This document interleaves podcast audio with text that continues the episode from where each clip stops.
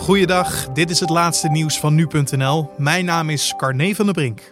De 19 eurolanden hebben een akkoord bereikt over een steunpakket. Dit voor landen die het hardst door de coronacrisis zijn getroffen. Dat meldt minister Wopke Hoekstra van Financiën. Verschillende landen melden dat het in totaal om een pakket van 500 miljard euro gaat.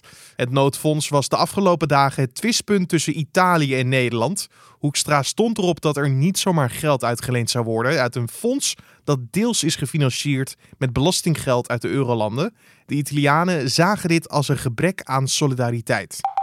De Britse premier Boris Johnson heeft donderdagavond de intensive care afdeling verlaten. Zijn woordvoerder vertelde dat de minister-president zich zeer goed voelt. Maar Johnson moet nog wel in het ziekenhuis blijven, want de 55-jarige Johnson is besmet met het coronavirus. Ligt sinds afgelopen weekend in het ziekenhuis, omdat zijn klachten na twee weken thuisisolatie niet waren verminderd. De zorgverleners en bedrijven zijn ontevreden over de samenwerking met het ministerie van Volksgezondheid, Welzijn en Sport en het Landelijk Consortium Hulpmiddelen. Ze vinden dat er te lang is gewacht met besluiten nemen en de binnenlandse productie van mondkapjes veel eerder had kunnen beginnen.